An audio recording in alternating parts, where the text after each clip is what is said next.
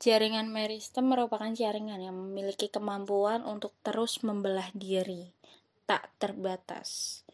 Ciri-ciri jaringan meristem sendiri seperti sel-sel yang kecil, kemudian dinding sel yang tipis, inti sel yang besar, dan vakuola yang kecil.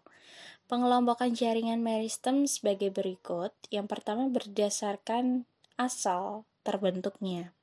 Jaringan meristem sendiri dikelompokkan menjadi dua, yaitu meristem primer, yaitu sel-sel yang merupakan perkembangan langsung dari sel embrional, misalnya kuncup, ujung batang, ujung akar, dan aktivitas meristem primer ini mengakibatkan batang dan akar tumbuh memanjang, yang disebut pertumbuhan primer.